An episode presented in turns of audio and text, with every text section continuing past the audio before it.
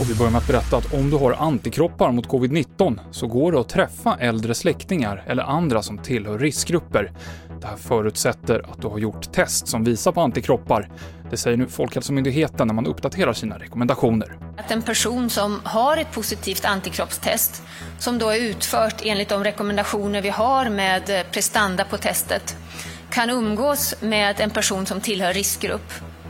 Och på samma sätt, en person som tillhör riskgrupp kan umgås med andra personer på samma sätt som man umgås i övrigt i samhället. Det sa Karin Tegmark Wisell på Folkhälsomyndigheten. Och det här förutsätter också att man inte har några symptom på sjukdom i nuläget. Och antalet avlidna i covid-19 i Sverige är nu 5 333 personer. Det finns en eftersläpning i statistiken, men i nuläget så ligger det på 25 döda per dygn enligt Folkhälsomyndigheten. Och researrangören TUI har fått grönt ljus för sina två planerade charterflyg som lyfter mot Rhodos den här veckan och nästa.